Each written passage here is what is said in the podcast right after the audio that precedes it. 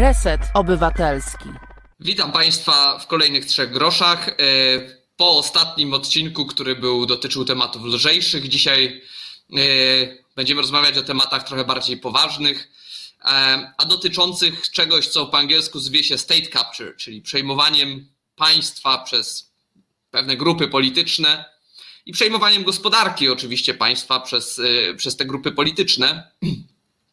W drugiej części w rozmowie z Wojciechem Przybylskim e, będziemy rozmawiali o tym, jak to na bieżąco wygląda w naszym rejonie, w rejonie e, e, centralnej, wschodniej Europy. Co się wydarzyło w ostatnich latach, bo żywotnie nas to niewątpliwie interesuje. A ja jak zwykle rozpocznę od wprowadzenia bardziej ogólnego. No proszę Państwa, to, że państwo e, bywa narzędziem do tego, żeby z ludzi e, wyciągać, e, wyciągać pieniądze, to nie jest wynalazek nowy. W ogóle cała koncepcja państwa najczęściej polegała na tym, że pojawiał się ktoś, kto miał jakąś siłę militarną, taką, aby być w stanie egzekwować podatki z jakiegoś obszaru. I ten, kto robił to skutecznie, był w stanie tą siłę militarną budować jeszcze szybciej i podbijać kolejne tereny I, i, I tak się to e, e, odbywało. Mieliśmy te warstwy społeczne, czyli chłopstwo pracujące na jakieś tam arystokrację, która ta arystokracja żyła sobie coraz lepiej i lepiej. A na samym szczycie był jakiś władca, król, który zbierał, zbierał profity tego wszystkiego. No, oczywiście do czasu, aż te grupy poniżej mu się nie zbuntowały Panie Robercie, to nie fototapeta, to faktycznie są książki moje. Mogę podejść i, e, i, i, i, i przynieść jakąś, żeby udowodnić. Także nie, nie fototapeta. E, e, w każdym razie, jak wiemy, ta nadwyżka była całkiem spora. No i dzięki temu możemy oglądać dzisiaj różnego rodzaju różnego rodzaju zabytki kultury, z których jesteśmy tak dumni, a które tak naprawdę po, powstają z, powstaje z niewolniczej pracy szerokich mas ludzi, czy to będą piramidy egipskie, czy Wawel. Także ta koncepcja to nie jest nic nowego e, i te największe fortuny e, powstawały w ten sposób. E, I w tym punkcie mam do Państwa zagadkę i zagadka jest następująca. Ostatnio rozmawialiśmy, znaczy no nie my, ale generalnie słychać było dużo o bilionerach y, y, bardzo bogatych, właśnie latających w kosmos, o Bezosach e, i, i tym podobnych. E, a ja mam do Państwa pytanie, żebyście się Państwo zastanowili i spróbowali odpowiedzieć na czacie, kto jest obecnie najbogatszym człowiekiem na świecie. E, I to też nawiązuje do naszego, do naszego tematu dzisiaj. W każdym razie z czasem e, sytuacja się zmieniała, to znaczy te warstwy niższe zaczynały nabierać jakiejś siły, zwłaszcza kiedy pojawia się rewolucja przemysłowa, zwłaszcza kiedy zaczęły się pojawiać różnego rodzaju e, e, kapitaliści, którzy mieli pewną siłę ekonomiczną i byli w stanie i byli w stanie Mm, no, wy, wy, wymagać na swoich władcach do pewnego stopnia pewne zmiany. E, w ten sposób nastąpiła demokratyzacja, czyli to, że e, państwo zaczęło być oddawane w jakiś stopniu w ręce ludzi, którzy na niego łożą. E, I jednym z głównych elementów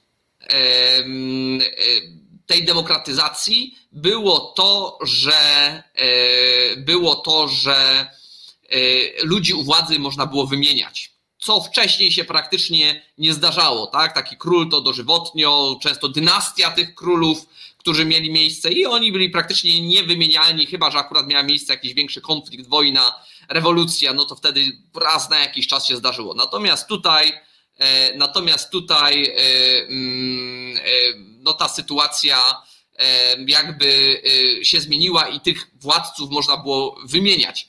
Tutaj ja się posiłkuję zawsze takim moim ulubionym, e, e, ulubionym e, cytatem z, z, z O, i teraz mi wypadło z kogo ten cytat, zaraz mi się przypomni.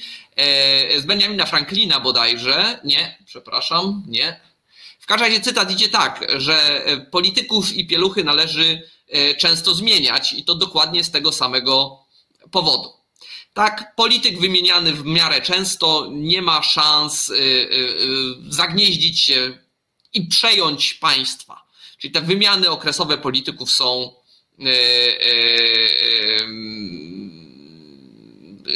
no, dzięki temu możemy doprowadzać do tego, że to państwo nie jest przejmowane przez, przez polityków.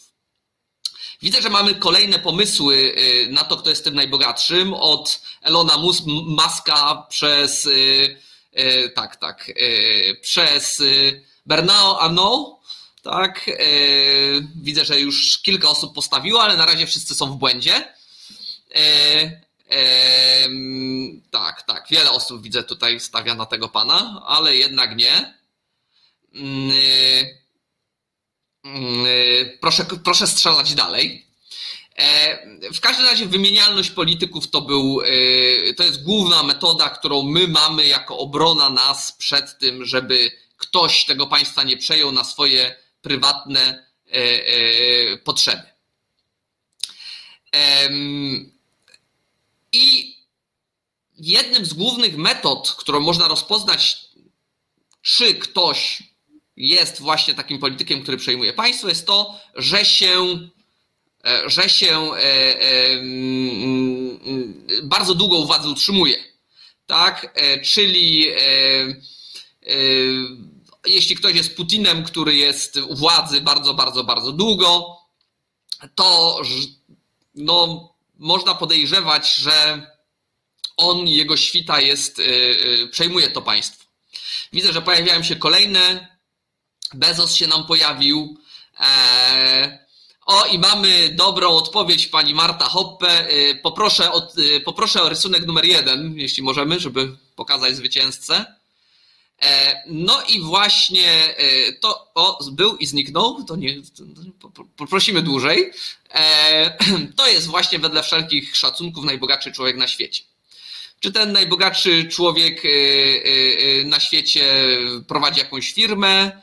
E, czy on jest wynalazcą, może odziedziczył to bogactwo. No nie, całe jego bogactwo pochodzi właśnie z tego, że udało mu się przejąć państwo. I on w tym państwie jest, można powiedzieć, swego rodzaju monarchą. Co pani Marta wygrała? Y, no cóż, ogłosiłem konkurs, to może czas, żeby y, y, mm, rzeczywiście jakąś nagrodę ufundować. Proponuję taką nagrodę, nie wiem, czy usatysfakcjonuje, ale że ma pani prawo do określenia tematu jednego z przyszłych odcinków. Oczywiście, jeśli dam radę. Także proszę się zastanowić i, i, i wybrać temat, a ja się postaram dostosować. Nie wiem, czy taka nagroda będzie wystarczająco y, atrakcyjna. Y, y, pan Robert mówi, że nie myślimy, że, że myślał, że nie mówimy o kacykach. Dlaczego nie? Ja powiedziałem człowiek, no Putin też człowiek, tak? Choć niektórzy mają pewne wątpliwości, ale jednak chyba człowiek. E, jeszcze jednym pojęciem, o którym warto tutaj powiedzieć i które się będzie nam prze, przewijać przez naszą rozmowę później, to jest pojęcie oligarchii. Kto to jest oligarcha? Oligarcha to jest ktoś, e, kto mm, no, stanowi o bardzo dużym poziomie bogactwa i nie tylko bogactwa, ale również e, siły politycznej. Czyli oligarchowie są często ci, którzy właśnie mm, e, potrafią albo są w stanie przejąć, przejąć państwo. Ci, ci oligarchowie w różnych miejscach nazywają się różnie. Czy Państwo wiedzą, jak się w historii Polsce, Polski nazywali oligarchowie? Takie znowu pytanko podrzucę. E, nie wiem, czy jak ktoś zgadnie, to może znowu będzie nagroda. Nie wiem, czy jest wystarczająco atrakcyjna, ale zobaczymy. E, w każdym razie e, oligarchia to jest coś, co się zauważa jako element sprzyjający temu, że, że państwo zostanie przejęte i, i, i e, zaprzężone do, do potrzeb pewnej grupy osób. Magnaci, tak, pani Marto, widzę, że pani tutaj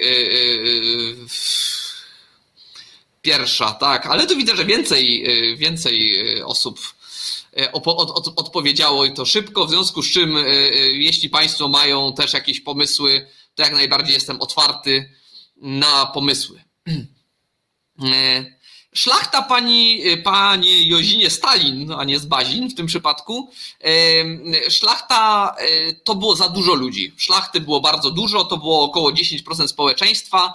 Oni mieli prawa polityczne całkiem szerokie w pierwszej Rzeczpospolitej, więc niektórzy nazywają tą pierwszą Rzeczpospolitą demokracją tak naprawdę, bo kiedy się mówi o demokracji ateńskiej, to tam wcale więcej osób nie mogło głosować niż y, y, w Polsce szlacheckiej, ale szlachty było za dużo. Ta magnateria później się wykształciła, jakby podporządkowała sobie tą, tą y, szlachtę. E, e, panie Krzysztofie, kto jest najbogatszy? Putin. To, był ten, to, to była ta odpowiedź. E, o, wrócił nam. W każdym razie mm, to, o czym warto pomyśleć, kiedy rozmawiamy o tym, co się dzieje u nas i działo się u nas w ostatniej historii, e, to jest kwestia wychodzenia z komunizmu. E, I tu, proszę Państwa, e, zasadniczo były trzy tryby wychodzenia z komunizmu, trzy takie główne metody. Pierwsza metoda to była sprzedać wszystko zachodnim korporacjom. E, ta metoda została w dużej mierze zastosowana no, u nas oczywiście, ale także w, w krajach innych, nazwijmy to środkowoeuropejskich, Czechach, Słowacji, krajach Pribałtyki, także no to taki główny, głównie na nasz obszar gospodarczy. Druga koncepcja to była ukraść wszystko z kolegami. Ta, ta koncepcja została opracowana i wdrożona przede wszystkim ona została przede wszystkim wdrożona w krajach takich jak Rosja i Ukraina, do pewnego e, stopnia także Białoruś. No i trzecia koncepcja wychodzenia z komunizmu to było ukraść wszystko z rodziną. E, I to jest y, koncepcja wdrożona przede wszystkim w krajach Azji Centralnej, czyli Kazachstan, Uzbekistan, y, Kirgistan i te inne stany które, które w tej części świata są. E, e, dzisiaj po 30 latach widzimy, widzimy, że te trzy metody dały dość różne, dość różne efekty, jeśli chodzi o rozwój gospodarczy. Tak?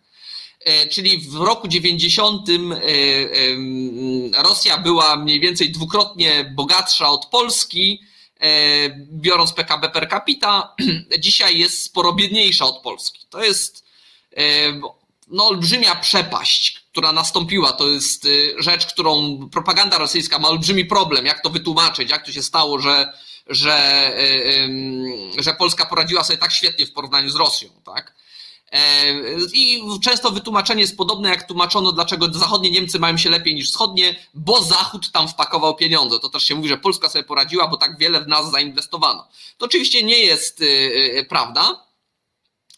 E, natomiast tych elementów jest więcej. Natomiast jednym z istotnych elementów jest to właśnie, że kiedy ukradzono tak, te, tą z kolegami czy z rodziną, tworząc w tym przypadku oligarchię, czyli grupę wąską ludzi trzymających właściwie większość gospodarki w swoich rękach, albo większość najbardziej e, e, dochodowej gospodarki w rękach bardzo wąskiej grupy ludzi, no to w tym momencie e, no miało to olbrzymi wpływ na to, że ci ludzie robili wiele, żeby bronić swoich interesów, a jak to robili właśnie przez przejęcie państwa. I co to znaczy to przejęcie państwa tak naprawdę i czym się różni od korupcji? Tak? Korupcja co to jest, to z grubsza wiemy, że jestem gdzieś sobie w państwie i teraz próbuję kogoś przekupić, żeby nie dos, żeby się nie musiał dostosować do istniejących reguł. Tak? Od najprostszego przekroczyłem prędkość, zatrzymała mnie policja i ja teraz przekupuję tego policjanta, żeby on do mnie nie zastosował reguły, że mi się należy mandat aż po wysokie eszelony, gdzie ja próbuję przekupić wiceministra, ministra czy kogoś tam jeszcze, żebym. I to ja wygrał prze, przetarg. Tak? Tym jest korupcja. Natomiast przejęcie państwa jest czymś zgoła innym. Przejęcie państwa to jest sytuacja, w której ja nie tyle chcę złamać czy obejść istniejące reguły, co ja dostosowuję istniejące reguły do swoich potrzeb. Zmieniam je tak, żebym to ja był uprzywilejowany w taki czy inny sposób.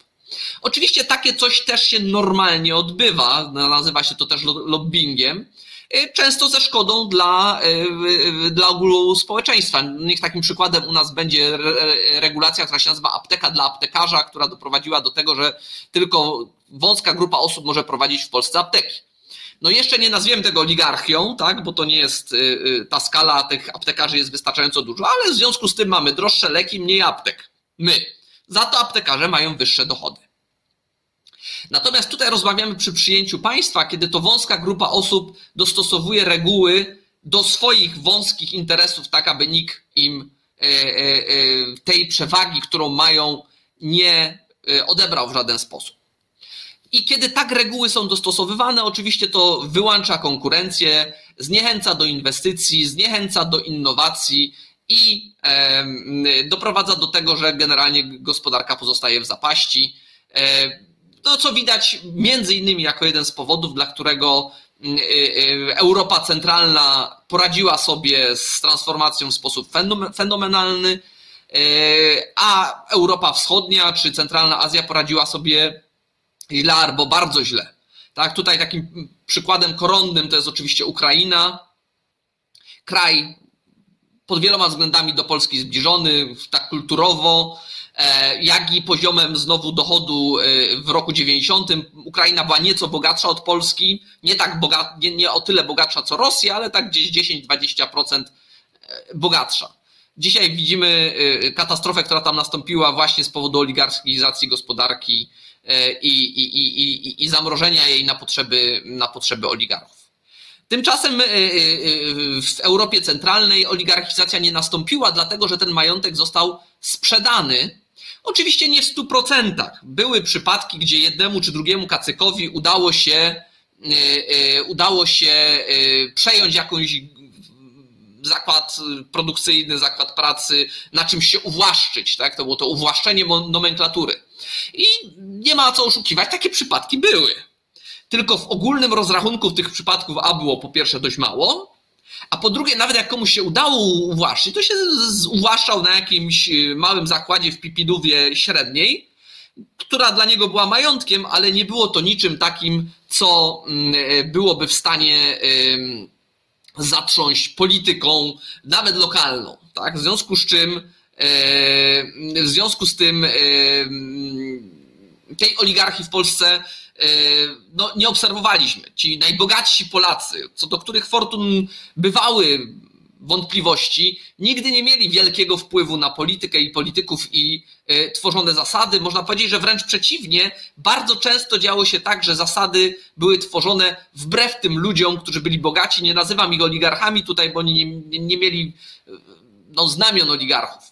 I wielu z nich w związku z tym ze swoimi pieniędzmi się z Polski wyprowadziło. Y, y, no tutaj najlepszym przykładem oczywiście są dzieci mm, Jana Kulczyka, które większość swojego biznesu z Polski wyprowadziły, e, no gdyż spotykały się z niezbyt przychylnym e, e,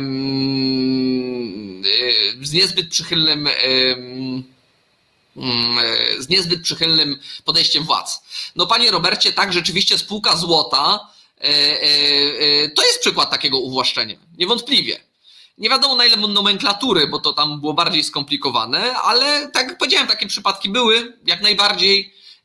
Ale znowu, od jednej działki, nawet w centrum Warszawy, nawet biorąc pod uwagę, jak wartość tej działki poszła do góry, ona spowodowała bogactwo. Tak? Ale to nie jest bogactwo, które gdyby nagle panu wpadło w ręce, doprowadziłoby do tego, żeby pan trząsł polską ekonomią i dyktował warunki polityką, co oni mają robić.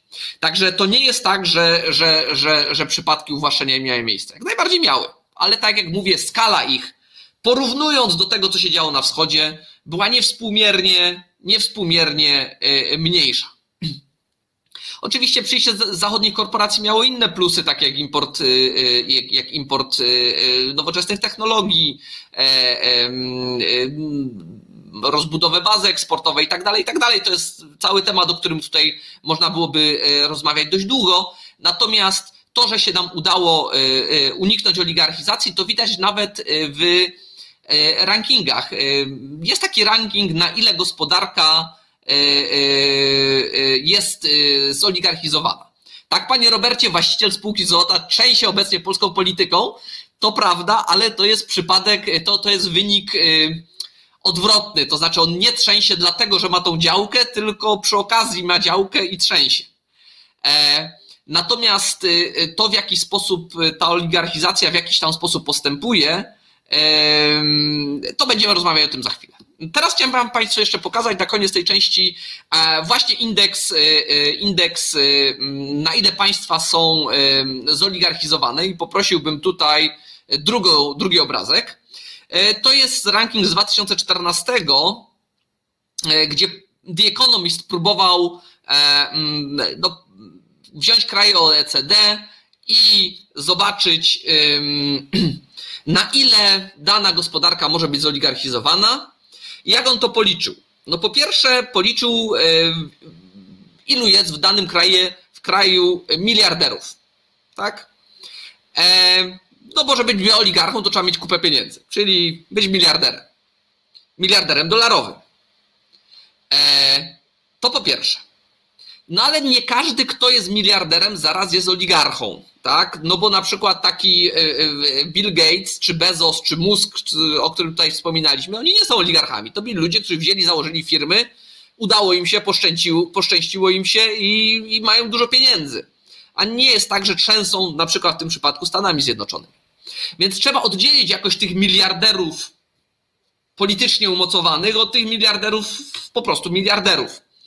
E, w jaki sposób to zrobiono? No, nie da się tego zrobić zupełnie e, e, obiektywnie, więc zrobiono to w ten sposób, że podzielono branże gospodarki na te, które są no, takie bardzo narażone. Natomiast te działy, które są takie wolnorynkowe i niezwiązane z państwem specjalnie, no to się uznaje, że one nie są oligarchiczne. Czyli jakie przykłady tutaj takich oligarchicznych? E, nieruchomości, wydobycie surowców naturalnych, e, infrastruktura, hazard, paliwa i tym podobne rzeczy zostały uznane jako branże, które są w dużej mierze zależne od państwa, zbrojenia także. Więc jeśli ktoś ma, jest miliarderem w którejś z tych branż, to jest szansa, że on jest jakimś tam oligarchą. Natomiast jak ktoś jest na przykład w IT, no to prawdopodobnie tym oligarchą nie jest, albo nie wiem, w sprzedaży detalicznej, albo w tym podobnych rzeczach. Oczywiście można się sprzeczać, na ile ten podział jest słuszny albo niesłuszny, na ile jest poprawny albo nie, ale to nie będziemy tego robić w tej chwili. E, popatrzymy tylko e, e, na tą listę. Na pierwszym miejscu ku pewnemu zaskoczeniu może nas zdziwić, że mamy tutaj do czynienia z Hongkongiem, to wynik. Aha, jeszcze jedna rzecz, co to są te cyferki u góry, to jest jaki procent PKB to są majątki tych, tych miliarderów. Tak? Jeżeli miliarderzy to jest duża część kraju i PKB, no to w tym momencie mamy do czynienia z potencjalnie zoligarchizowanym krajem, przejętym krajem. No Hongkong wygląda jak wygląda, to wynika z tego, że mm, no, panie Jozinie, właśnie dokładnie to się wydarzyło, tak? Może nie tyle PKB, który jest w rękach, tylko jak się PKB ma do majątku tutaj. Yy, no i widzimy, że w Hongkongu w rękach miliarderów jest praktycznie 80% PKB. No, że to nie jest w rękach miliarderów jest 80% PKB, ale ich majątek jest wartości 80% PKB. I większość w branżach zoligarchizowanych, ale to wynika z tego, że mm, yy, tutaj praktycznie całość to są rynek nieruchomości. W Hongkongu metr kwadratowy kosztuje takie pieniądze, że jak ktoś ma mieszkanie, to już jest prawie miliarderem, tak, swoje. W związku z czym no, wygląda to jak wygląda. E, I być może Hongkong jest tutaj najlepszym elementem do, do, do, do, do sprawdzania. No ale oczywiście na, na drugim miejscu mamy Rosję, który, w której 20, ma, majątek miliarderów to jest 20% y, y, PKB, praktycznie wszystko w y, sektorach takich związanych z państwem. E, następnie Malezja, no i Ukraina, prawda? E, gdzie tu się znajduje Polska? No, zapaliśmy się jako kraj OECD na 18 miejscu, e, gdzie u nas praktycznie miliard, majątek miliarderów jest praktycznie zaniedbywalny w porównaniu do PKB. Tak? Czyli widzimy, że Polska w ogóle praktycznie nie może mówić nic o, o tym, że jest krajem zoligarchizowany. Czy ten korzystny w sumie obraz uda nam się utrzymać. Jak to wygląda w krajach z nami sąsiadujących, porozmawiamy za chwilę z Wojciechem Przybylskim, a teraz zapraszam Państwa na krótką przerwę. Słuchasz Resetu Obywatelskiego. Reset Obywatelski działa dzięki Twojemu wsparciu. Znajdź nas na zrzutka.pl. Witamy po przerwie i mam nadzieję powitamy naszego gościa. O. Dzień dobry. O, cześć Wojtku. E, Wojtek jest prezesem Fundacji Republika, co ważniejsze z, naszego, z naszej perspektywy naczelnym e, Wizegrad Insight. To jest taka mm, e, platforma, która zajmuje się rozpowszechnianiem wiedzy o centralnej Europie. My jako Polacy zazwyczaj mało się interesujemy tym, co się dzieje u naszych y, sąsiadów, a to błąd. E, I, I, jeśli kogoś interesuje, co tam właśnie się dzieje w Czechach, w Czechach, na Słowacji, na Węgrzech, ale też dalej na południe, tudzież wschód, to e, bardzo polecam e, zajrzeć na stronę Visegrad Insight i tam znaleźć można bardzo ciekawe, dużo ciekawych rzeczy, także o tych, o których będziemy rozmawiać.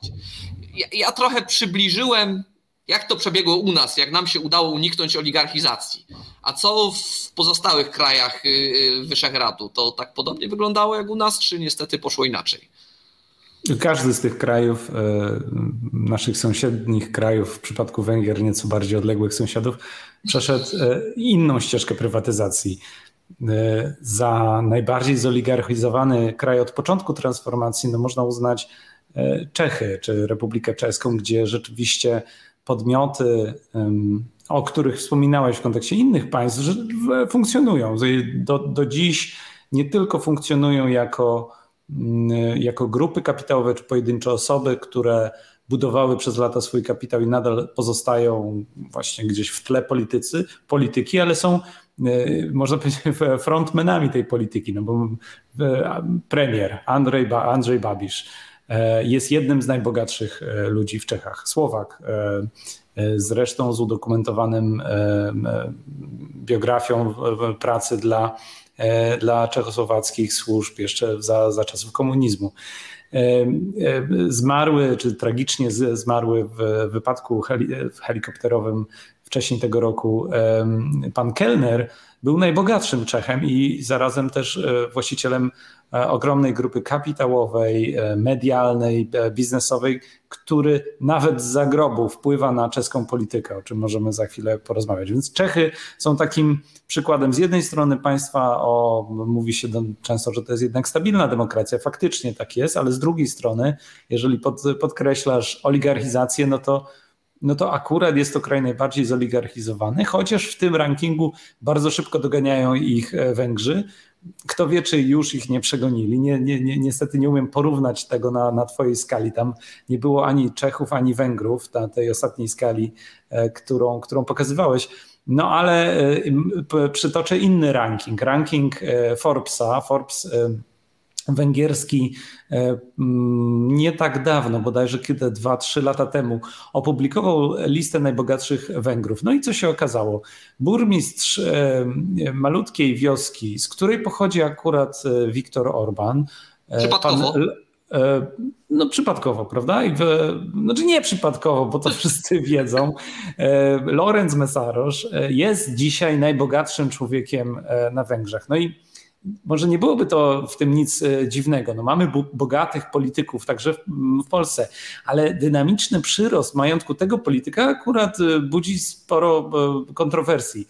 Na pytanie, no, dlaczego on się bogaci w szybszym tempie niż Mark Zuckerberg, bo tak naprawdę on, Lorenz Messarosz, gdyby jeszcze w tym samym tempie przybywało mu pieniędzy co w ostatnich latach, to w ciągu dwóch, trzech lat doganiałby Marka Zuckerberga to możemy wyobrazić sobie skalę absurdu, myśląc o skali państwa, w którym działa Lorenz Mesarosz, a jego biznes nie jest jakiś bardzo odkrywczy, to znaczy nie robi już interesu na tym, że jest burmistrzem, jest, jest dostarczycielem, wykonawcą usług budowlanych. Jego spółka przede wszystkim świadczy, świadczy usługi podmiotom publicznym, miastom i, e, i rządowi węgierskiemu. A dzięki temu się ów Lorenz Messarosz bogaci. A co jeszcze ważniejsze, on się nie bogaci sam, bo dzięki niemu, czy wraz z nim, a być może właściwie dlatego, że oni go wymyślili, bogacą się dwaj inni bardzo ważni panowie. Otóż e, ojciec i brat e, premiera Wiktora Orbana, którzy otrzymują od owego Lorenza Mesarosza e,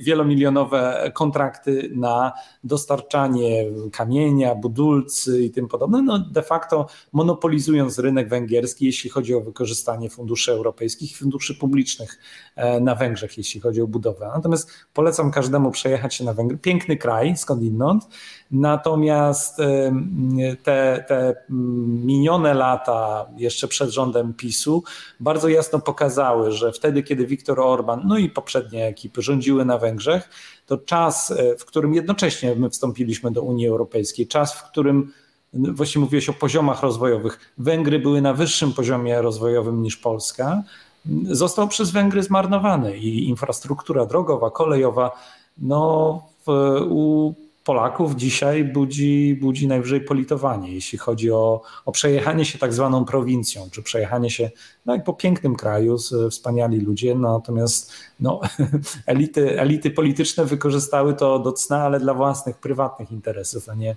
Ja, ja tu widzę pewną różnicę między Czechami a Węgrami, bo wygląda na to, że w Węgrzech mieliśmy sytuację do pewnego stopnia analogiczną z Rosją, to znaczy mieliśmy jakichś ludzi w służbach, gdzieś tam, którzy wiedzieli, gdzie się zakręcić, żeby się uwłaszczyć na tym majątku i tak zbudowali swój wielki majątek. Natomiast w przypadku Węgier mamy do czynienia z takimi, nazwijmy to, nowobogackimi yy, yy, oligarchami, tak, którzy pojawili teraz i wcześniej nic nie mieli. Tak? Ten burmistrz tam miał jakieś grosze, kiedy startował, prawda?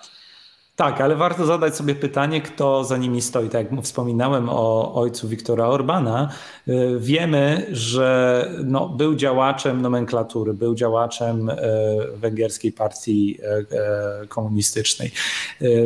Jego kontakty, jego, jego historia sprzed 1989 roku no, każe przypuszczać, że e, był dosyć człowiekiem, nazwijmy to na owe czasy w tym komunistycznym systemie przedsiębiorczym, czyli wiedział jak się zakręcić, gdzie przełożyć z lewej do prawej kieszeni, żeby e, w, w, w, tym, w tymże systemie działać. No i w, akurat w takim przemyśle, w, w takim obszarze działalności, w którym dzisiaj działa, no też on sam o sobie mówi, że jest człowiekiem nieprzyjemnym, E, premier mówi, że się go boi, znaczy to są publiczne wypowiedzi.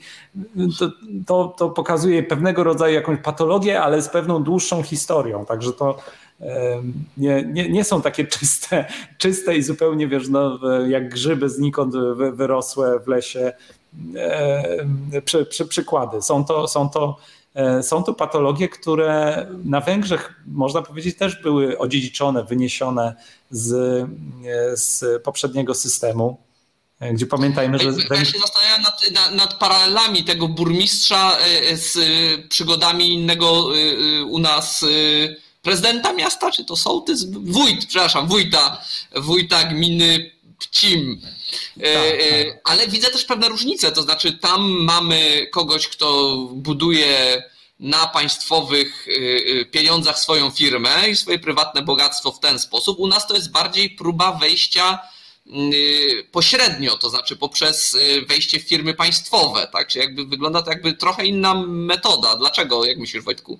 Myślę, że po pierwsze strukturalnie jest to, mamy do czynienia oczywiście z innymi państwami. Mamy, mamy na Węgrzech rzeczywiście sporo spółek także publicznych, ale one nie, nie mogą konkurować, na przykład jeśli chodzi o skalę, o zasoby finansowe ze spółkami polskimi. To znaczy prywatni przedsiębiorcy na Węgrzech E, są, są dużo, mm, dużo bardziej dynamiczni. Zresztą w Polsce, jeżeli, jeżeli wierzyć tym wynikom, e, które jeszcze w zeszłym roku nawet publikowane były i pokazywały, no, spółki prywatne, nie działające w sektorze publicznym osiągają kumulatywnie lepsze wyniki, są ważniejsze już w tej chwili dla gospodarki niż spółki publiczne. Ale jednak to jest bardziej łakomy kąsek, czyli łatwiejszy pieniądz dla kogoś, kto nie, no, nie, nie chce działać poprzez jakość, poprzez dostarczanie komuś e, usług e, na rynek, tylko poprzez e, pewne porozumienia nie, nieformalne czy polityczne i w ten sposób obejmuje, obejmuje kontrolę nad takimi podmiotami gospodarczymi. To jest, to jest inna sytuacja. Na Węgrzech, tak jak mówiłem, to są, to są prywatne spółki. Co więcej, Viktor Orban w jakiś sposób taki przypominający y, nasze lata, końcówkę lat 80., po, y, prowadzi w tej chwili program uwłaszczenia nomenklatury, czyli w sposób kontrolowany przez państwo powierza aktywa publiczne i to są uniwersytety, to są spółki, to są różnego typu przedsiębiorstwa albo jakieś instytucje użyteczności publicznej, kulturalnej. Przekazuje je fundacjom prywatnym, podmiotom prywatnym w duchu no, rzekomej prywatyzacji, po, po, powiększania efektywności. No ale gdyby pogrzebać, to, to, są, to jest przekazywanie tych środków no właśnie działaczom partyjnym. Dlatego mówię o pewnym porównaniu, które do Polski ma tutaj pewne zastosowanie e, z końcówki lat 80., kiedy PZPR się kończył, no, działacze komunistyczni um, dokonywali tego rodzaju transferu, zamiany kapitału politycznego na kapitał ekonomiczny. Viktor Orban, e, co ważne, napisał doktorat o Solidarności, o przemianach w 80 i 89 roku, więc doskonale wie, jak to działało. Bardzo możliwe, że po prostu w tej chwili dokonuje pewnego spóźnionego copy-paste.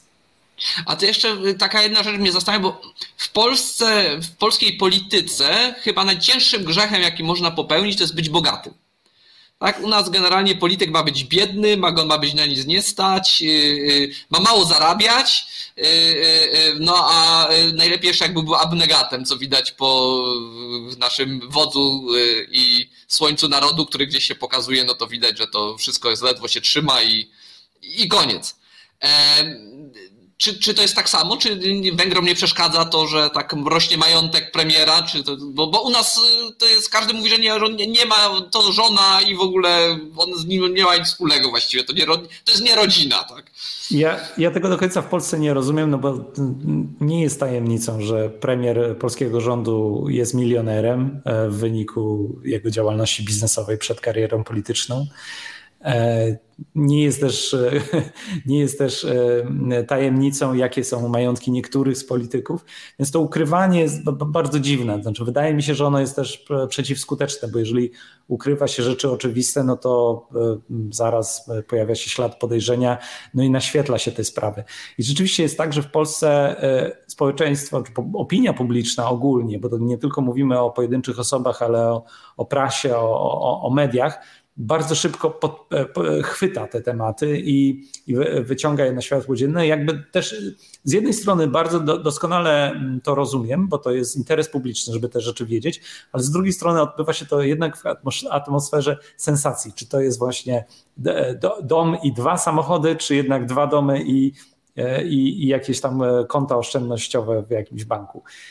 E, na Węgrzech e, opinia społeczna do tej pory, przez wiele lat zresztą, była dużo mniej wyczulona na e, sprawę majątku polityków i związków pomiędzy polityką i biznesem. Inaczej jest w Polsce i to muszę bardzo wyraźnie zaznaczyć, że Polacy, obojętnie po której stronie politycznej by się nie odpowiadali, to są jednak dużo bardziej wyczuleni na pewien fałsz. No to, co powiedziałeś, czasami jest to w takich tonach, nazwijmy to, populistycznych, prawda, politykom zabrać, a w każdym razie politycy nie powinni się bogacić, bo jest nam źle i najpierw muszą zadbać o no i tak naprawdę jest. Powinni zadbać najpierw o wypłaty i o godne, godne pensje e, pracowników sektora publicznego, od pielęgniarek, nauczycieli, e, zaczynając. Natomiast w Węgrzech e, te duże skandale e, nie odbijały się echem. Znaczy dochodziło do tego, że politycy skompromitowani e, działaniami korupcyjnymi zostali, wygrywali wybory, zostawali burmistrzami, wchodzili do parlamentu i dopiero z uwagi na presję międzynarodową, czy powiedzmy decyzję samego premiera, byli odwoływani. Niestety w Polsce za rządów Prawa i Sprawiedliwości ten mechanizm widać też się zaczyna pojawiać, no bo pewnego rodzaju bezwstyd polityków, którzy dokonują pewnych operacji, jest no, zauważalny. najbardziej znaną, znanym przykładem jest obecnie oczywiście prezes e, Najwyższej Izby Kontroli, który jakby nagle politycy PiSu mieli klapki na oczach, nie widzieli czym on się zajmował, jakie były dowody w, e, dotyczące jego działalności, wybrali go w ciemno na, na ten urząd, no i teraz stał się niejako, jak, jak e, mówią politycy opozycji, świadkiem koronnym przeciwko PiSowi, no bo wyciąga na wierzch różne, różnego rodzaju brudy, a decyzje o usunięciu takich posłów, zresztą pamiętamy jeszcze sprawę na przykład e, byłego posła Hoffmana, który no, dokonywał malwersacji, e, to znaczy posługiwał się posługiwał się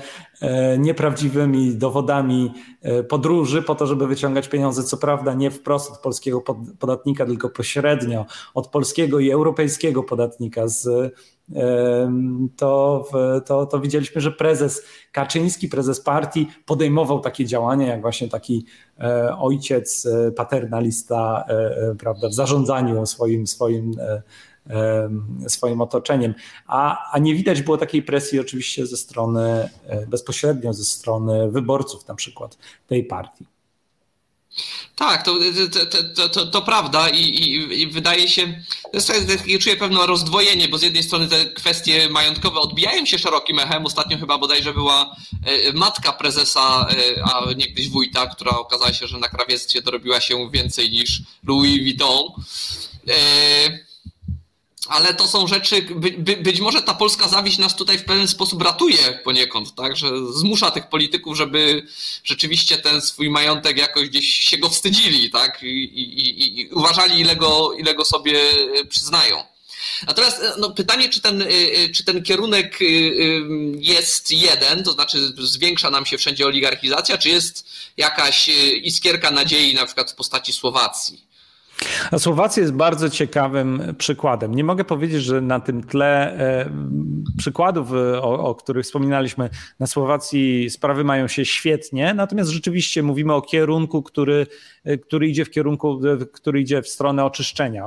Na Słowacji, jak, jak wszyscy dobrze wiemy, na początku pandemii, na samym początku pandemii został zaprzysiężony nowy rząd.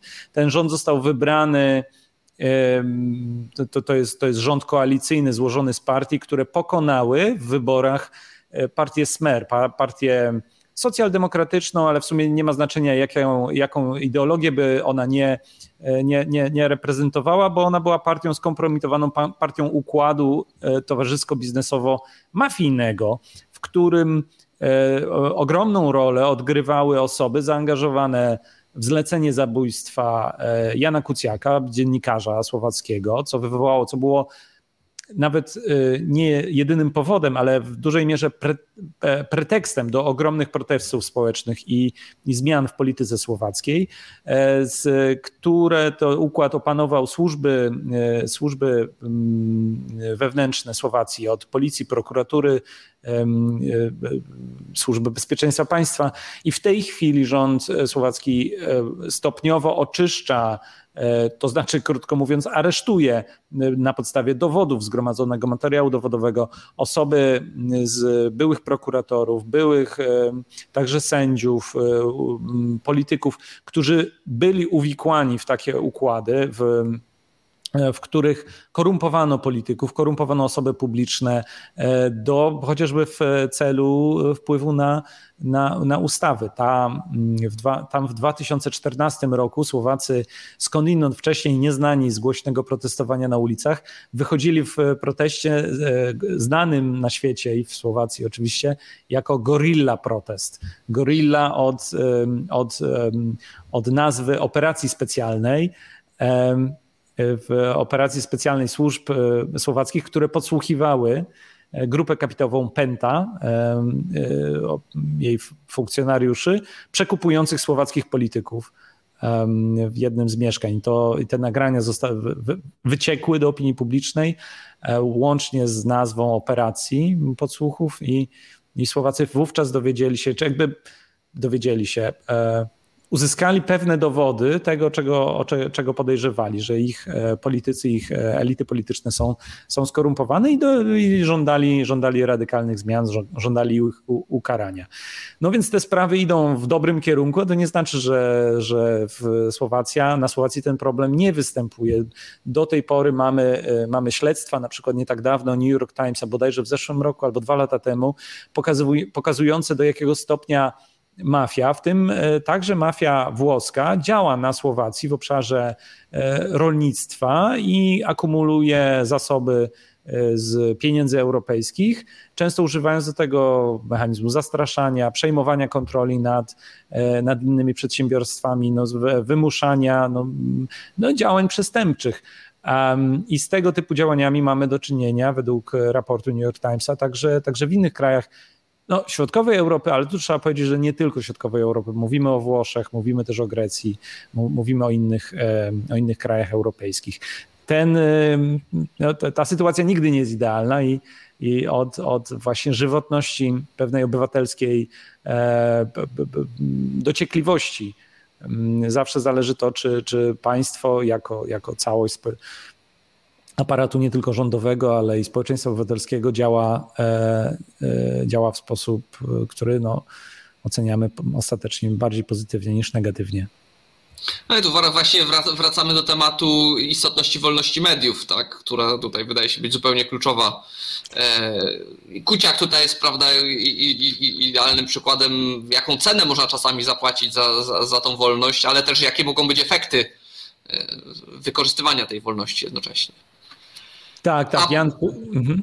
Jan Kuciak, to wa warto, warto przypomnieć, on śledził te powiązania mafijne, no i, e, i został zastrzelony wraz ze swoją narzeczoną w, w ich domu przez płatnego, e, płatnego zabójcę. Sprawa nie jest do końca wyjaśniona, chociaż są już oskarżenia i e, akty oskarżenia i, i, i śledztwo w tej sprawie przyniosło bardzo dużo, rozwiało bardzo dużo wątpliwości, to jednak nas Słowacy nie mają poczucia, że to jest e, wyjaśniona i czy innymi słowy, bagno nie zostało do końca osuszone. Mają poczucie, że nie jest, nie jest to wszystko jeszcze e, załatwione i pewnie dużo czasu im zajmie, zanim odzyskają zaufanie do, do tych kluczowych instytucji, do własnych instytucji e, w, państwie. Ale mówiłeś o oligarchizacji, przejmowaniu mediów, no to tutaj, e, tutaj właśnie we wszystkich tych trzech państwach e, mamy antyprzykłady dla Polski, z których zresztą władza chętnie dzisiaj korzysta. No dobrze, a co z taką zagranicą dalszą trochę? Ostatnio dużo się słyszało o Rumunii i protestach tam znowu mających miejsce, prawda?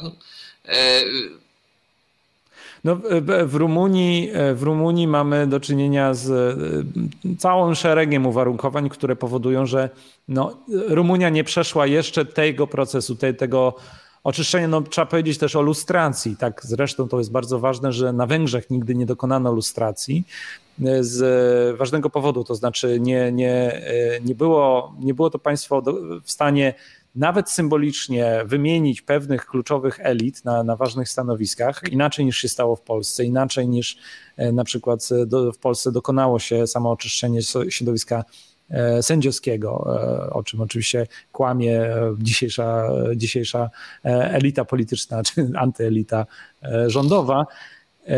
Na Słowacji, przepraszam, w Rumunii, w Węgrzech takiego, takiej ilustracji nie było ponieważ no, wszyscy byli uwikłani.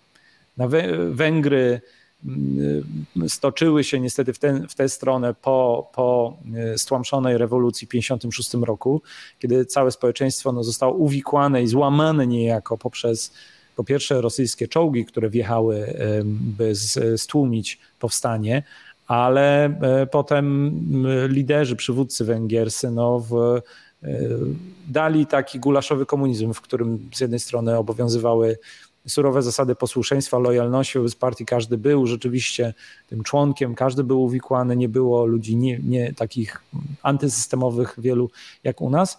E, za to mieli oczywiście pewne przywileje gospodarcze. W Rumunii zupełnie inaczej. Jest to kraj o najwyższym odsetku na świecie, no na pewno w Europie, jeśli nie na świecie, służb specjalnych. Służb specjalnych i ich możliwości kontrolowania, podsłuchiwania E, podsłuchiwania obywateli. Mówimy o współczesnych, demokratycznych służbach, ale także o bardzo głębokich zależnościach Securitate, prawda, jeszcze e, długa ręka Securitate sięga do dzisiaj. To są struktury e, w oparciu o które zostały zbudowane i struktury mafijne, w oparciu o, o które z kolei są głębokie współzależności w dzisiejszym świecie gospodarki i polityki, i do, które do dzisiaj jeszcze nie, nie dają Rumunom poczucia, że ich państwo jest należy do nich, tak? że to jest w pełni, w pełni ich demokratyczne państwo, to jest ciągle jeszcze e, silne piętno układu e, komunistycznego czy układu tych sił e, niewyłonionych w demokratyczny, niekontrolowanych przez demokratyczny proces. To jest, to jest case Rumunii. Inny case to jest Bułgaria. Bułgaria, w którym która ponownie miała ostatnio wybory, w której, w której do, doszło do wyłonienia nowego rządu. Zobaczymy na ile stabilnego. E, a e, tuż przed wyborami e, ten kraj został objęty sankcjami, czy nie cały kraj, ale poszczególne osoby, oligarchowie z otoczenia władzy zostali, byli celem działań sankcyjnych ze strony Stanów Zjednoczonych w ramach tzw. Tak ustawy Magnickiego, walczącej z, e, ze zorganizowaną państwową korupcją i przeciwko oligarchizacji. No, na co Bułgaria jeszcze w dodatku odpowiedziała poda- dodatkowymi, jeszcze większymi sankcjami z rozszerzoną listą. To już ciekawostka, dlaczego tak, tak zrobili. E, natomiast no, to pokazuje. Proszę. Przeciwko komu te sankcje? Przeciwko swoim własnym obywatelom? Przeciwko swoim własnym e, no, obywatelom, oligarchom, osobom, które w sposób udokumentowany wpływały e, swoim majątkiem, powiązaniami także to nie tylko towarzyskimi, ale właśnie tymi e, zależnościami ze, z dawnych służb specjalnych na media, na polityków, korumpowały ich. Do, do klasyku gatunki przechodzą obecnie zresztą e, komiksy tak zwanego czaszki. Czaszka to, e, to mafiozo, e, który to jest pseudonim, który był jednym z najbogatszych Bułgarów i który uciekł przed własnym premierem, który po, przy pomocy państwa próbował przejąć z kolei jego interes, to znaczy tego rodzaju operacje były prowadzone i Czaszka w obronie swojego czy innymi słowy, no, był takim sygnalistą poniekąd, e, z, czy, czy też właśnie można by go nawet, może chciał no zostać świadkiem koronnym. Świadkiem, może chciał zostać świadkiem koronnym wobec e, publiczności, zaczął wydawać, sponsorować i rozdawać taki komiks, w którym on sam występował, ale występował także premier i występowali inni postacie, inne postacie tego świadka e, ma, ma, mafijno-politycznego, e, w którym tak naprawdę no, wylał, e, wylał to bagno do opinii publicznej, która się w ten sposób do, humorystyczny poniekąd, chociaż bardzo ponury w sumie, dowiadywała o, o tym, jak funkcjonuje ten nie ta, ta Wojtko, ostatnie minuty. Struktura. I mam do Ciebie jeszcze jedno pytanie, w takim razie najbardziej istotne dla nas. Znaczy, jak oceniasz polską sytuację, to raz, dwa to trajektorię na tle tego, co się dzieje y, y, w, w okolicy naszej, bliższej i dalszej. Tak, ja myślę, ja myślę, że my stoimy w pewnym rozkroku. To nie tyle my jako społeczeństwo, bo ja jestem zbudowany mm, tym, jak bardzo aktywne jest polskie społeczeństwo w porównaniu do tych innych. Nie tylko mówię o protestach na ulicy, ale sposobie samoorganizacji, współpracy, także wyrażonej tym, e, ile, krótko mówiąc, do nacji czy takiego no, są gotowe osoby prywatne e, wykładać na, na projekty medialne publiczne, e, takie w interesie publicznym, typu oczywiście Rezet Obywatelski, ale radio, prawda, pamiętamy Radio 357, Radio Nowy Świat, wszelkiego rodzaju e, działania e, crowdfundingowe. Więc ten stopień samoorganizacji społecznej, świadomości, że za wolność trzeba płacić, że demokracja kosztuje, jest duży i to jest coś innego niż w tamtych krajach, które czerpią, cierpią na, na sporą apatię. Nie mówię o Czechach, nie mówię o Słowacji w tej chwili tak bardzo, ale, w, ale w, o Węgrzech i o Rumunii, Bułgarii niestety tak. I z drugiej strony no, partia władzy w Polsce e, jest w rozkroku, bo sama ma, no, dokonuje pęknięcia i będzie, będzie e, sama musiała podjąć decyzję, czy, czy już pękła, czy, czy jeszcze się nie poddaje i uważa, że nie pękła. I to, to zadecyduje o, o dalszym kierunku. Bardzo dziękuję Wojtku. Asiator e, każe nam kończyć dość stanowczo. Mam nadzieję, że jeszcze się spotkamy porozmawiać co w okolicy i, i, i u nas. A na dzisiaj dziękuję bardzo. Naszym gościem był Wojciech Przybylski. Do usłyszenia za tydzień. Reset Obywatelski. Podobał Ci się ten program? Reset to medium obywatelskie, którego jedynymi sponsorami jesteście Wy, odbiorczynie i odbiorcy. Wesprzyj nas na zrzutka.pl i pomóż budować niezależne medium.